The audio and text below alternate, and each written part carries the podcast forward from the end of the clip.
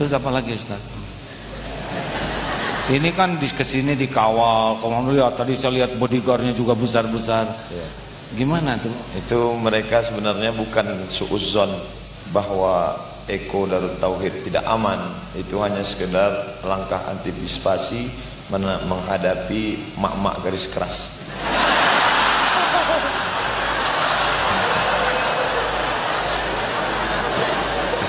Saya paham. Saya paham.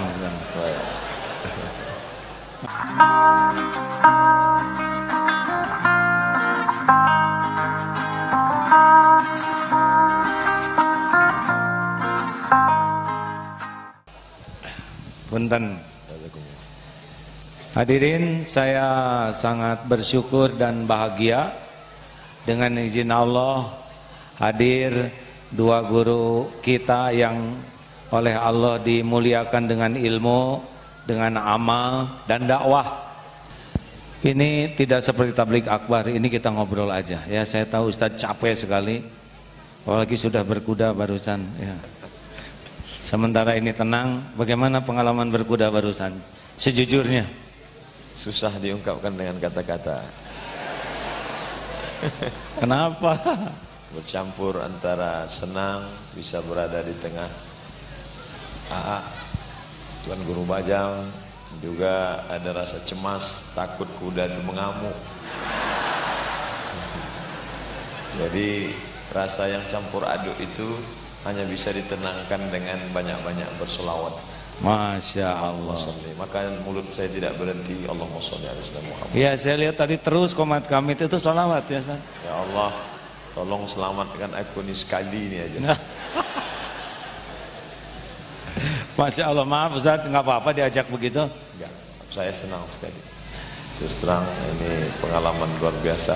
Sebelumnya saya naik ke atas kuda hanya untuk foto update status aja. Oh. Tapi hari ini Masya Allah berkesan. Di situlah baru saya tahu mengapa AA Ustadz Al-Mukarram Ustadz Abdullah bin Nastiar disenangi orang karena dia memberikan kesan pertama yang begitu menggoda.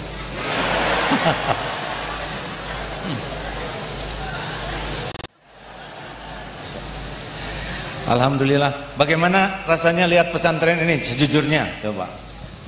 Pertama kita merasakan pertemuan antara dua masa lalu dan masa depan. Masa lalu hijau, tanam-tanaman yang menyenangkan suasananya, kemudian masa depan gedung-gedungnya, kemudian prestasi anak-anaknya.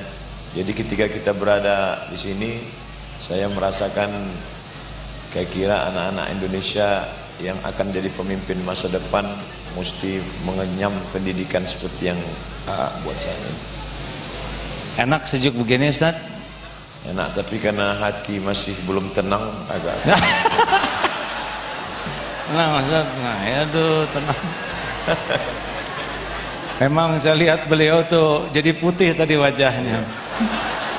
Yang menenangkan saya ketika melihat ke sebelah sedang dokter aja takut apalagi LCMA. Nggak ada hitungan dokter kalau di situ udah. Nggak ada yang pucet aja dua-duanya. Karena sebagai moderator boleh nanya sesukanya. Ustaz, gimana rasanya jadi orang terkenal? kan? Nanti yang ini ada lagi Ustaz ya. Orang yang sudah lama terkenal tidak boleh bertanya kepada yang baru terkenal.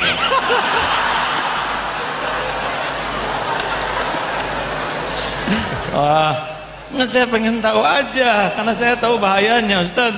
Baik. Nanti saya mau bicara empat mata dengan AA menanyakan bahaya-bahayanya. Iya. Karena gejalanya sudah mulai terasa. Oh. Yang pertama, saya tidak bisa lagi pergi ke mall Hmm. walaupun cuma mau cari buku karena Nelangsa lah, potret. ya minta foto segala macam. Kemudian biasa makan di pinggir jalan di warung-warung susah karena Susah ya.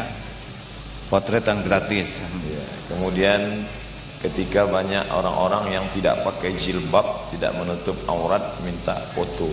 Hmm. Satu sisi kita ingin mendakwahi, tapi di sisi lain bila itu diupload seolah-olah perbuatan kita itu pembenaran terhadap Hmm. dia untuk Allah. Jadi saya berharap AA mendoakan saya supaya lulus ujian. Ya, ya, ya, ya, ya. Saya do. Kami mendoakan terus. Amin. Karena saya yakin Allah takdirkan Ustadz begini pasti ada hikmahnya. Amin. Salah satu tanggung jawab kita adalah mendoakan para ulama. Ya. Terus apa lagi Ustadz? Ini kan di ke sini dikawal. Kamu lihat tadi saya lihat bodyguardnya juga besar-besar. Ya. Gimana tuh? Itu mereka sebenarnya bukan suuzon bahwa Eko Darut Tauhid tidak aman. Itu hanya sekedar langkah antisipasi menghadapi mak-mak garis keras.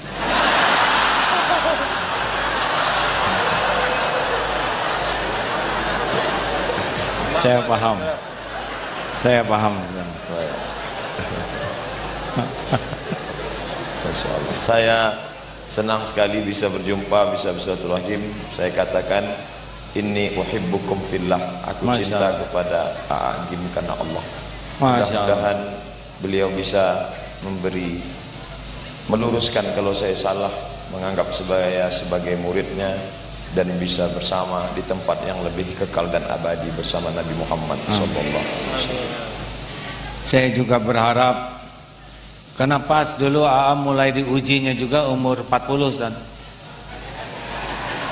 Oh iya ya mulai kayak kayak ginian gitu ya 40 Ustaz. Sana sini dijemput helikopter ya gitulah. Sampai Darut Tauhid kan Darut itu babak pertamanya Tauhid Ustaz. Bagus Tauhid itu ya. Oh, sampai tahun dari 90 98 kita anteng aja. Tidak banyak hiruk pikuk media. Tahun 98 mulai masuk TV, 99 mulai banyak, 2000 booming tuh. Pada waktu ceramah di Istiqlal. Wah, orang-orang tawa agim. Itu tiap TV gitu. Darut Tauhid rontok, Pak. Jadi darut duit. Wah, saya sibuk sekali, nggak sempat ke orang tua, nggak sempat ngurus anak, nggak sempat ngurus santri. Sibuk pagi, siang, malam dakwah sana sini, TV sana sini. Zaman dulu belum ada medsos ya. Nah, itu benar-benar membuat hidup saya jadi tidak normal. Tauhidnya hilang, berkurang. Kata orang sukses, padahal itulah saat terburuk dalam hidup saya. Alhamdulillah 2006 akhir heboh. Saya tidak ngajarin Ustaz ya. Tiap orang punya garis masing-masing ya. Tenang Ustaz, tenang semuanya tenang. Lalu mulailah babak ketiga namanya babak belur. Nah, saya berharap Ustaz mah nggak usah babak belur begitu. Tapi enak dihina deh Ustaz. Ya, Kalau sadar ya. insyaallah. Nah, itu pengalaman nanti diceritain yang lebih Baik, lanjut ya. Kita bahas tiga mata insyaallah. Ya. Mata satu siapa lagi Pak Ustaz? Terima kasih Ustaz. Jazakumullah khair. Karena sudah ini bakal berat ceramahnya jadi ringan. Baik. Lanjut, boleh? Masih ada waktu Ustaz? Masih harus ada waktu. Masih ya. Ustaz, selama berdakwah ini apa kira-kira masalah yang paling Ustadz lihat di kalangan umat Islam saja? Apa masalah yang paling pokok yang harus secara bertahap kita atasi bersama? Yang pertama umat di mana pun tempat masih selalu disibukkan dengan khilafiyah. Satu, masih terlalu banyak sibuk dengan khilafiyah. Akibatnya apa? Akibatnya susah kita untuk mencapai target perbaikan-perbaikan ekonomi, politik, pendidikan karena jalan di tempat hanya membahas itu ke itu saja. Jadi Ustadz melihat sebetulnya kita juga lihat ya.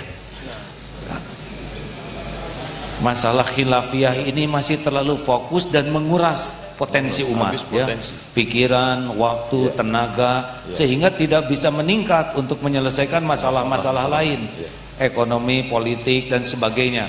Karena nggak ada waktu lagi Nah, ada habis energi. habis ya. Satu itu, nanti saya akan minta solusinya. Dua, Yang kedua, ketika sebagian kawan-kawan sudah hijrah lalu membuat komunitas, di antara sesama komunitas ini juga terjadi saling sikut. Oh, dua ternyata ketika sudah berubah membentuk kelompok komunitas mereka kurang bersinergi malah Tidak, saling menyikut. malah saling menjegal kawan seiring menggunting dalam lipatan menikam dari belakang musuh dalam selimut. Wah gitu ya. Coba diulangi Ustaz udah seru. Menggunting lipatan apa tadi? Menggunting dalam lipatan menjegal kawan seiring menikam dari belakang musuh dalam selimut. Masya Allah. Innalillahi itu bagi yang sudah hijrah Yang sudah ya, hijrah. yang awam sibuk dengan khilafiyah Ya. yang sudah mulai ada ilmunya Ya. sibuk saling menyikut begitu ada yang begitu ya ada baik yang belum eh terus terus terus ada lagi Ustaz Kemudian saya batasi pada tiga masalah terbesar. Yang ketiga, kita sebagian kita selalu menganggap kitalah yang membuat ini menjadi berhasil sehingga kita tidak melihat keberhasilan orang adalah keberhasilan kita sebagai sebuah umat. Maka ketika saya sampai ke Eko Darut Tauhid, maka saya mengucapkan bersyukur pada Allah karena ini adalah umat. Hadhihi ummatukum ummatan wahidah. Sementara sebagian orang tidak melihat ini itu kan keberhasilan dia, bukan kita. Sedangkan Nabi selalu berkata innallaha ma'ana. Yang selalu dikedepankan itu kekitaannya. Saya kira kenapa AA Ustaz Abdullah Gimnastiar amat sangat menerima kunjungan kami karena beliau melihat kami sebagai kita bukan sebagai dirinya sehingga ini dianggap sebagai orang-orang yang Allah alam tapi yang jelas kita semua dibersihkan Allah la taj'al fi qulubina ghillan jangan jadikan dalam hati kami hasad maka mudah-mudahan kita melihat lebih kepada kekitaan kita bukan keakuan saya Oh, satu masalah khilafiyah, dua masalah eh, apa ego kelompok ya, dan yang ketiga ya masalah kekurang mampuan menerima kelebihan orang gitu ya. ya. Ya gitu kan? Nah, tentang masalah khilafiyah, solusinya bagaimana? Saya selalu menyampaikan agar pengajian mulailah bersilabus dan berkurikulum. Bersilabus dan berkurikulum. Senin malam Selasa fikih, Selasa malam Rabu akidah, Rabu malam Kamis tafsir, Kamis malam Jumat hadis, Jumat malam Sabtu akhlak, Sabtu malam Ahad tablik akbar. Jadi ketika kita sudah bahas masalah ini menurut empat mazhab, begini menurut Hanafi, begini menurut Maliki, begini menurut Syafi'i, begini menurut Hambali, nanti ketika datang orang lain membahas untuk mengobok-obok kita, memecah kita, jamaah sudah tahu. Itu kan sudah kami bahas dari empat aspek. Hmm, jadi masalah khilafiyah ini mungkin karena ceramahnya kurang terstruktur gitu Ustaz ya. Dengar tablik, dengar tablik, Ya. tapi beda kalau pakai silabus, begitu ya. Insya Allah. Baik. Tuh begitu hadirin. Tahu silabus apa? Siapa coba silabus?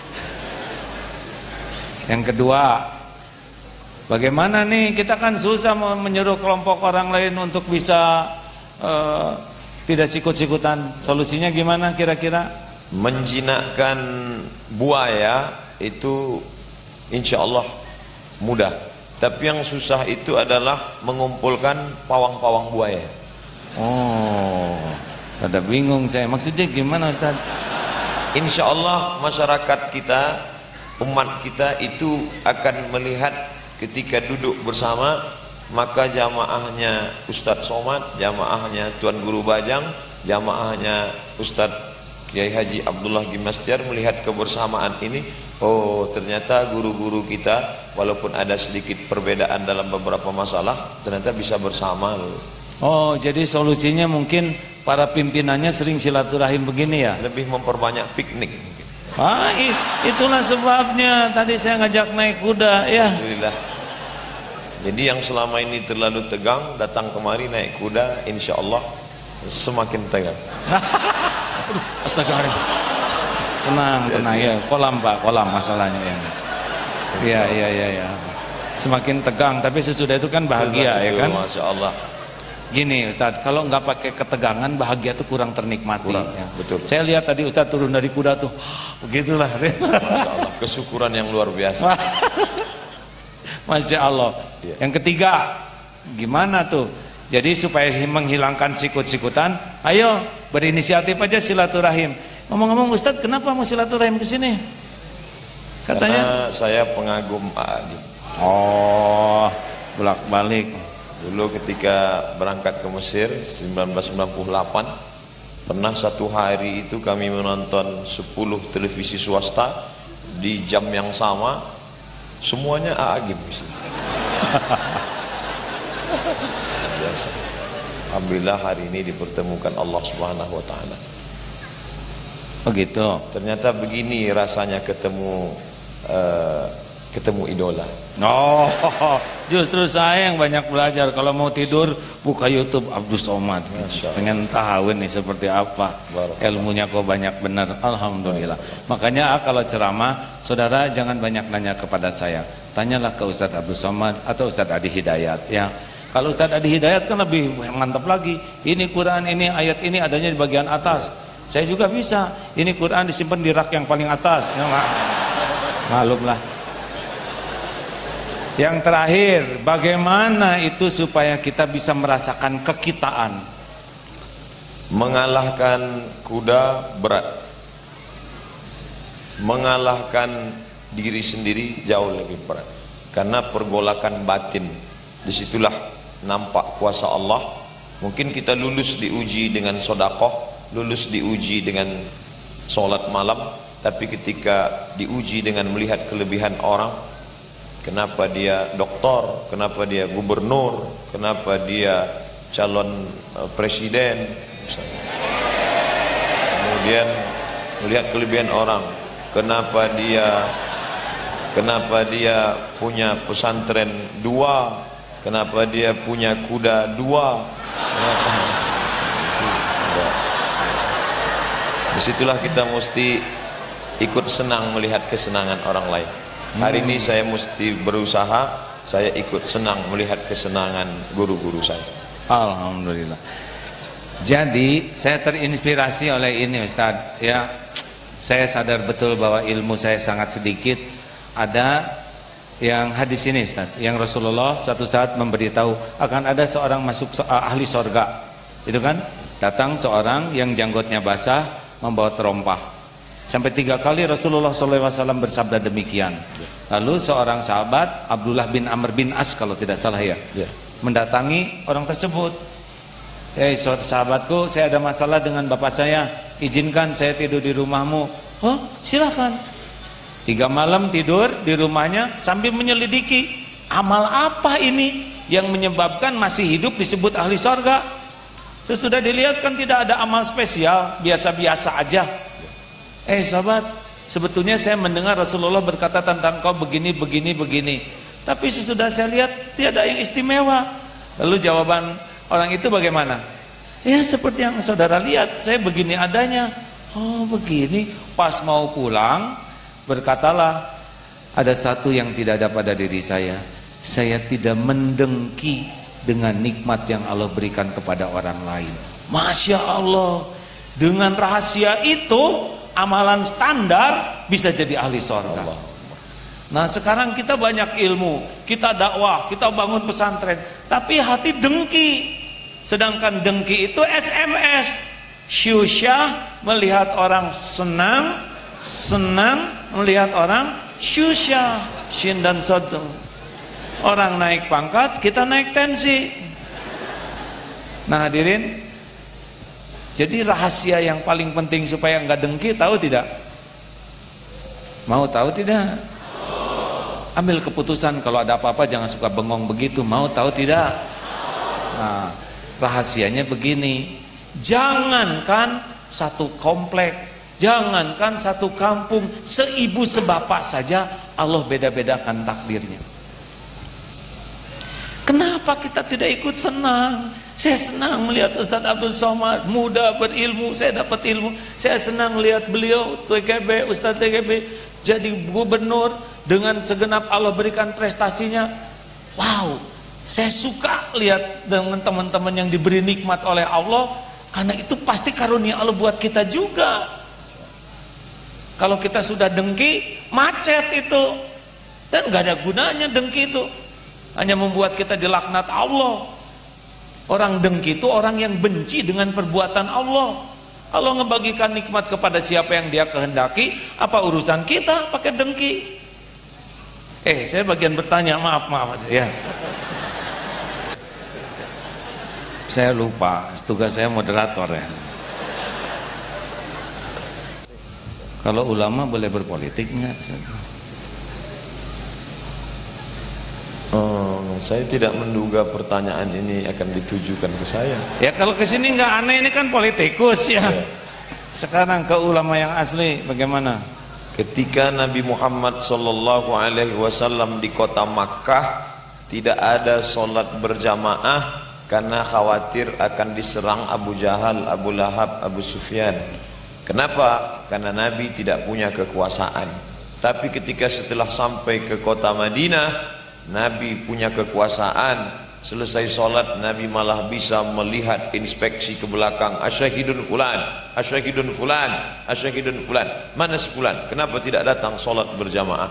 Itulah yang tidak bisa saya lakukan Karena saya tidak punya kekuasaan Tapi kalau imamnya gubernur dia bisa tanya mana kepala dinas, mana kepala badan, mana kepala kantor, mana kepala wilayah. Biasa cek. Apalagi kalau setelah gubernur jadi presiden. Uh.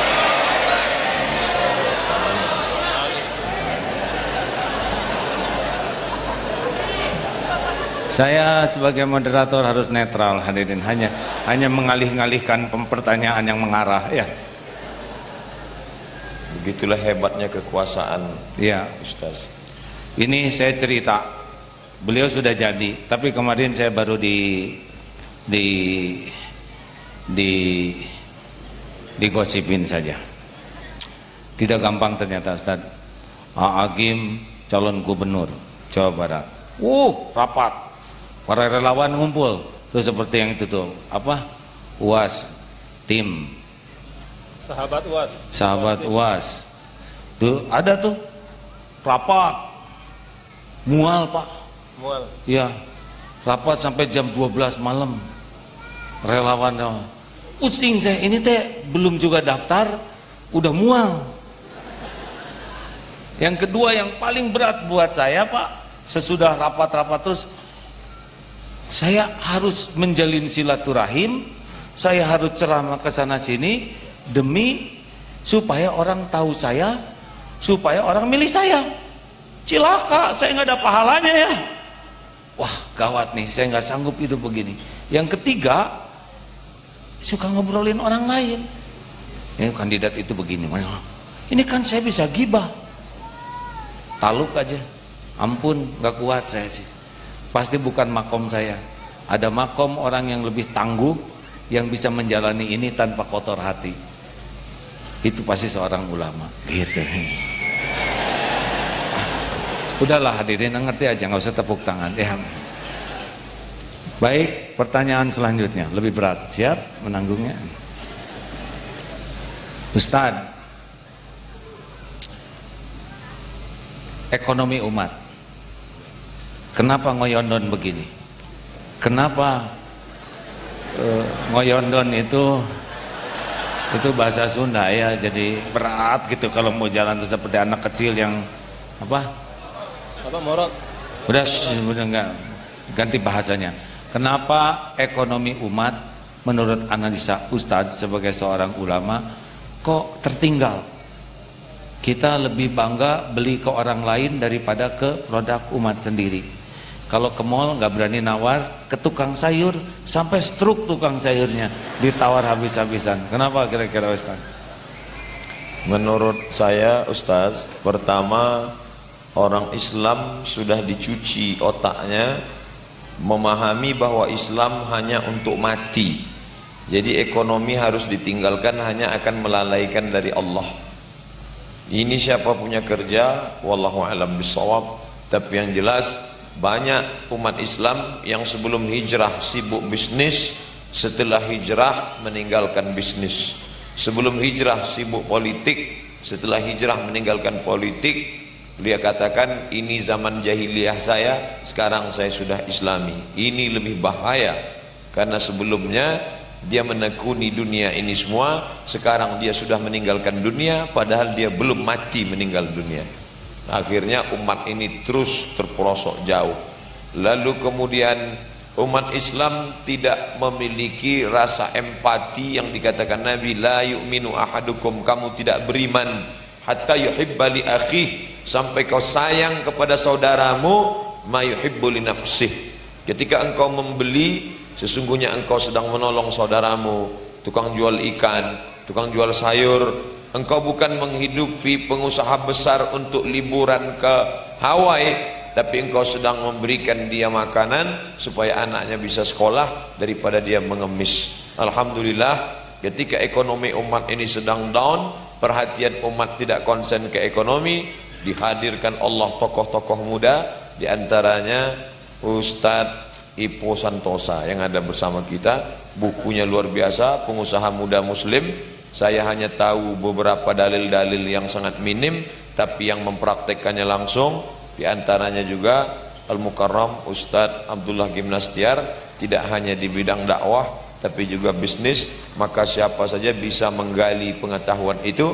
Kalau ini kita kembangkan insya Allah umat ini akan bangkit. Kalau sudah ekonomi umat bangkit insya Allah money politik bisa dihindarkan politisi busuk tidak akan bangkit dan ke depan muncullah pemimpin muslim yang dipilih oleh seorang muslim yang independen insya Allah jadi gimana sekarang harus belanja ke siapa nih?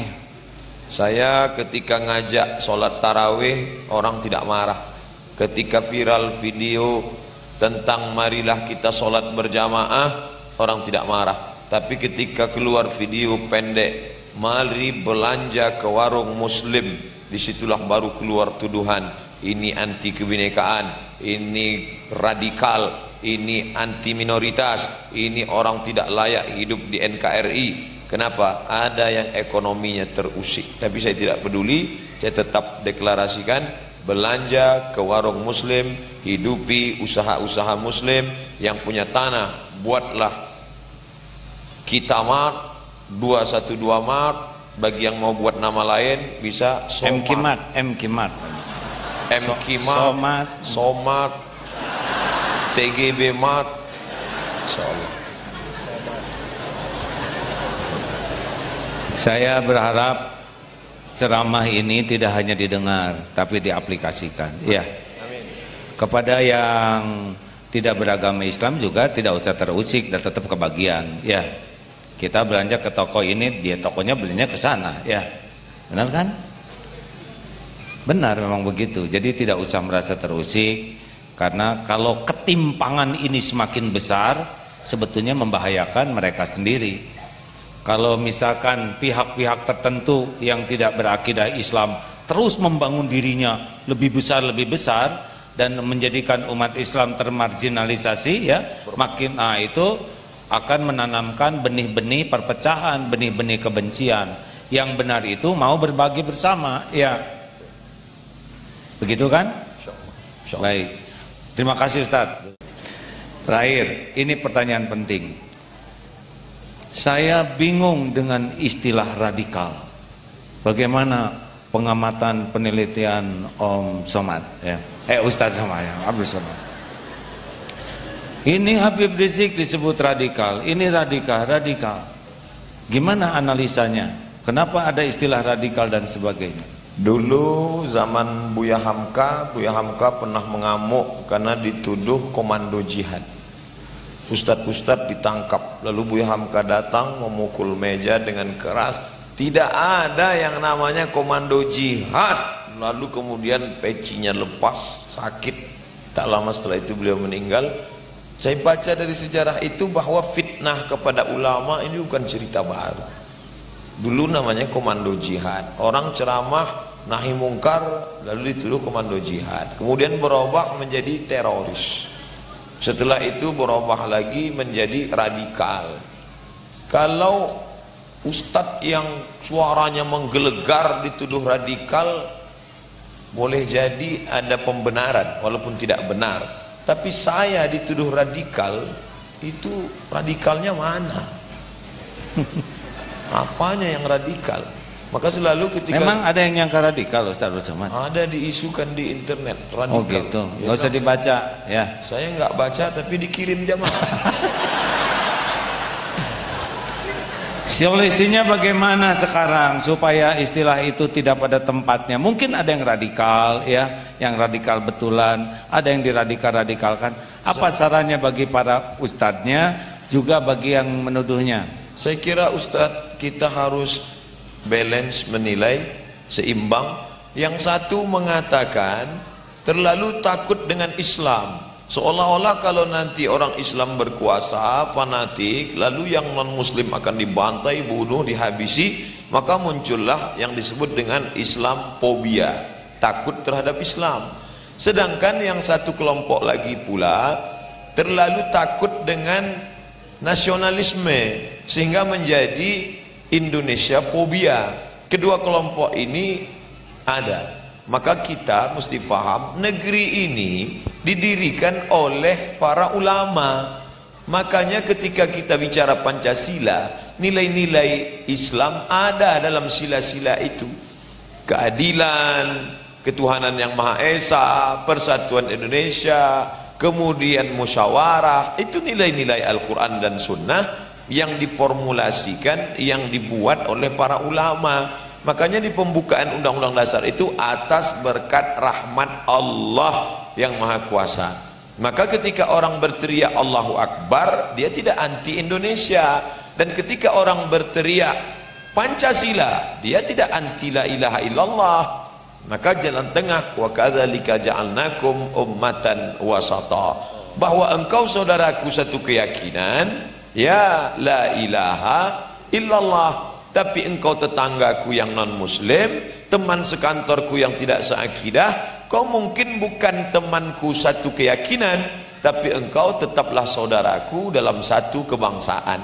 Islam mengajarkan ukhuwah Islamiyah tapi ada juga ukhuwah wataniyah persaudaraan satu negeri. Ada juga ukhuwah insaniyah sama-sama manusia dan ketika Nabi Muhammad sallallahu alaihi wasallam mengajarkan satarijuna rijalan sawami nanti kalian akan menemukan para pendeta di gereja. La ta'ridu lahum jangan ganggu pendeta. La taqtulu sabiyan murdi'a jangan bunuh anak kecil yang masih menyusui. Wala syaikhan fania jangan bunuh orang tua renta. La taqtulunna syajaratan jangan potong pokok kayu wala ta'qiranna nakhlan jangan cabut pohon korma wala tahdimu buyutan jangan hancurkan rumah Ketika ini kita jelaskan ke halayak umum, nanti yang berteriak-teriak radikal, teroris akan ditertawakan sendiri karena sesungguhnya dia hanya menceritakan tentang sesuatu yang tidak ada. Mungkin sederhananya begitu, Ustaz. Ini ngerti enggak? Jadi jangan kepancing, tapi semua pihak juga harus evaluasi ya. Kita nuntut kamu jangan menuduh radikal. Mungkin cara menjelaskan kitanya yang membuat orang yang berpihak jadi curiga. Ya. Uh, gimana, Ustadz? Masih di sini sampai jam berapa? Panitia? Asal tidak naik kuda lagi. Tidak, tidak, tidak. Kudanya udah juga kuda stres ya. Jadi sebetulnya gini Ustadz. Ah, kenapa sih harus memelihara kuda? Kan kita juga bisa memelihara kucing. Iya. Bedanya kita tidak bisa naik kucing, Ustaz. Baik. Nah, saya mau cerita sedikit pengalaman. Kan kalau ilmu mah daripada banyak, tapi ada satu pengalaman. Jadi gini, Ustaz. Um, nah, ini kan ini penting ya siapa tahu ini dari teman-teman suatu saat saya diuji dengan popularitas, penghargaan, ya seperti yang saudara-saudara. Yang saya rasakan, saya tidak lulus. Ikut menikmati popularitas, kekaguman orang. Ceramah mungkin ada yang suka, ya, tapi Allah kan tahu siapa kuasa. Nah, sampailah Allah menguji Alhamdulillahnya dengan sesuatu yang halal. Pagi ini lagi itu dihina, dicaci, dimaki, dibully. Tiga tahun pertama tuh masih setiap hari yang tadinya menghormati media tuh berbalik. Diburu seperti memburu apa? Sampai ke kolong-kolong mobil. Memburu berita. Karena jadi iklan ekonomi berkembang. Santri SSG dari 1000 yang daftar, cok 30. Karena rumit. Yang lelaki daftar bisa kamu berguru. yang perempuan daftar bisa kamu jadi yang ketiga. Jadi yang daftar hanya pemberani saja. Ah, itu 2006 lagi, 2007. Nah, saya datang guru, guru saya berkata begini. Semoga Allah memuliakan guru saya sangat mencintai guru saya ini ya, dan beliau tidak mau disebutkan namanya. Beliau berkata begini, Aha, Alhamdulillah Allah sayang sama Aha diselamatkan. Karena kalau tidak bisa sebuah khotimah seperti ini. Menikmati kekaguman, ujian, perlakuan spesial karena itu nikmat sekali oleh nafsu tapi Allah tidak menikmati. Kasih jalan gimana? Saya nanya, saya mau diapalin. Ada seorang lagi ulama seperti pohon kelapa. Kelapa itu tidak pernah keluar sari patinya sebelum diproses. Satu, dijatuhkan dari pohon. Gak ada kelapa jatuh pelan, benar? Gak ada itu tahu.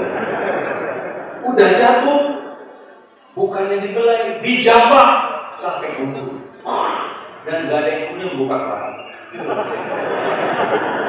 Udah bedul, digetok, gak ada mukul kepala kelapa pelan. Sampai belah, udah belah, dicungkil, udah dicungkil, disisir, udah disisir, diparut, udah diparut. Saya dengarnya aja, ini sampai gimana mbak? Saya harus apa? nanti sampai akan menjerit Qul huwallahu ahad. Allahus samad Barulah Bagaimana saya menjalani semua ini? Cuma satu air mata tobat. Jadi selama bertahun-tahun saya hanya dididik menangis air Tangisi dosa dari mulai balik dari mulai dicatat dosa. Jadi pekerjaan itu saja. Lalu mau diapain? Semua Tuhan Tuhan akan diambil. Akan menuhankan popularitas akan diambil. Benar. Dibalik dari yang muji jadi janji. Tuhankan kekaguman ibu-ibu. Lihat. Dibalik hati ibu-ibu. Yang tadinya antri di potret. Dirobek potretnya. Sekarang diselotip lagi. Saya tahu kan Kekayaan, saya perusahaan banyak waktu bertumbangan satu persatu. Karena jualannya jualan AA Kata guru saya nanti A, kalau AA sudah lepas dari Tuhan-Tuhan ini, Allah akan mengembalikan dunia. Tapi tidak ada rasanya. Jadi saya harus bagaimana Mbak? Kejar itu air mata tobat. Jadi saya ditegurnya tuh Pak, kalau nggak menangis, mana suara termerdu AA katanya gitu suara terbetul tangisan karena uju ria merasa spesial wah di pelaku mulai sedang ngerasain sekarang ya sama sini helikopter terbang wah kawal kiri dan sebagainya itu naik di sini tuh hadirin kaki jadi nggak napak dan nurunin napaknya kaki ke dunia harus dicaci bertahun-tahun Mungkin gimana ngilangin harta? Kalau ngilangin hartanya, Alhamdulillah saya berterima kasih kepada Ustaz Yusuf Mansur. Ah, beliau datang ceramah di dalam Tauhid. Berikan yang paling dicintai. Ah, punya apa? Saya ada rumah yang paling ada di kota. Ini ada yang paling mahal, iya. Sedekahkan. Oh. Habis rumah, tanah ada, tanah di sana. Oh, wakafkan. Mobil res tabungan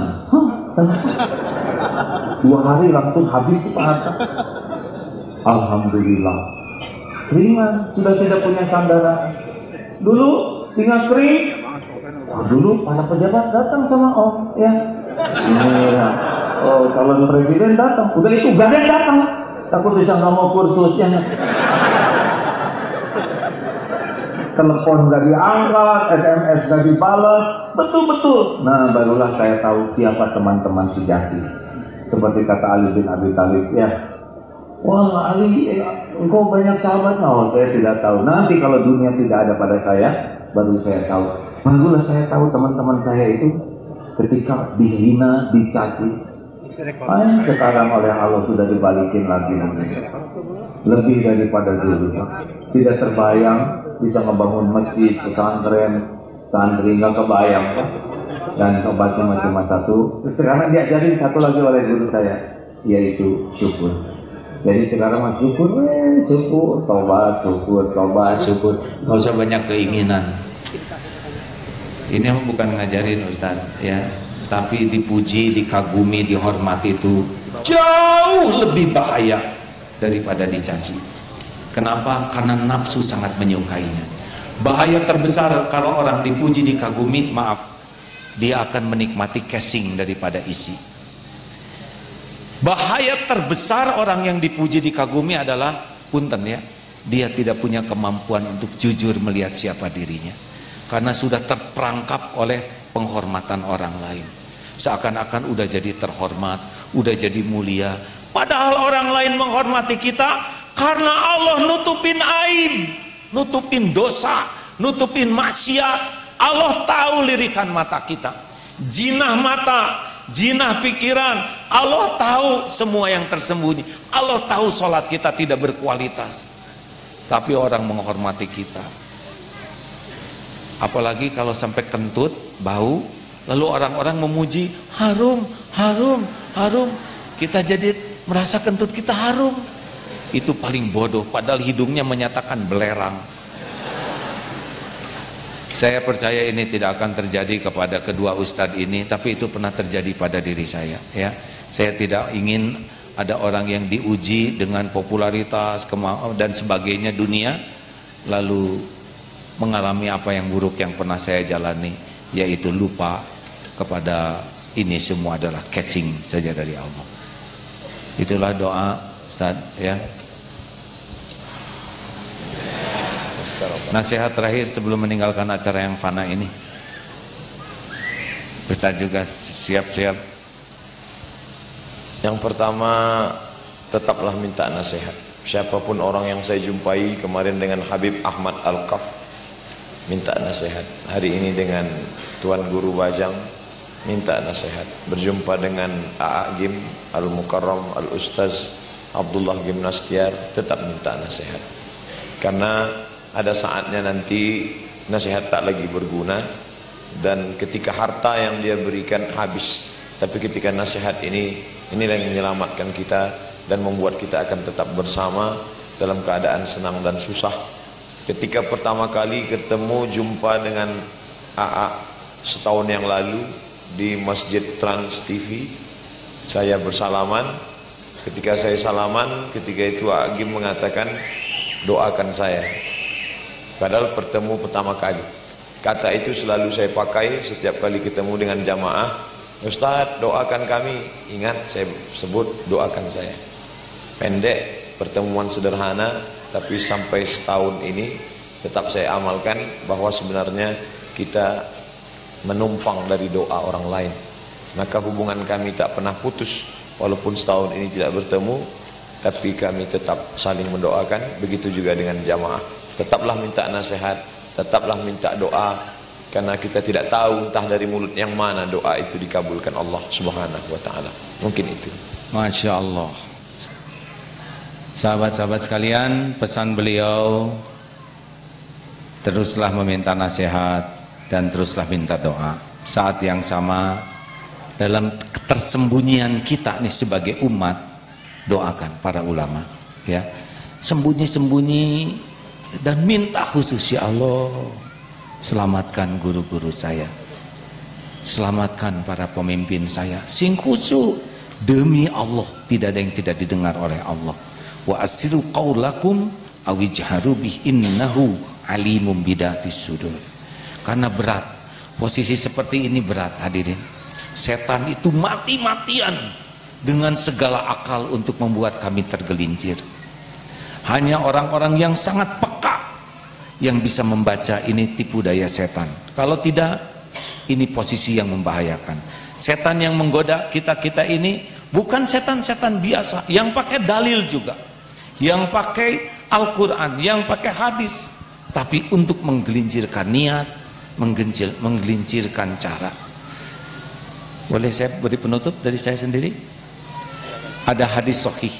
Siapa yang duluan dihisap? Yang duluan dihisap adalah orang yang merasa mati syahid. Ketika ditampakkan nikmat dari Allah, apa yang kau lakukan? Ya Allah, saya sudah berjihad.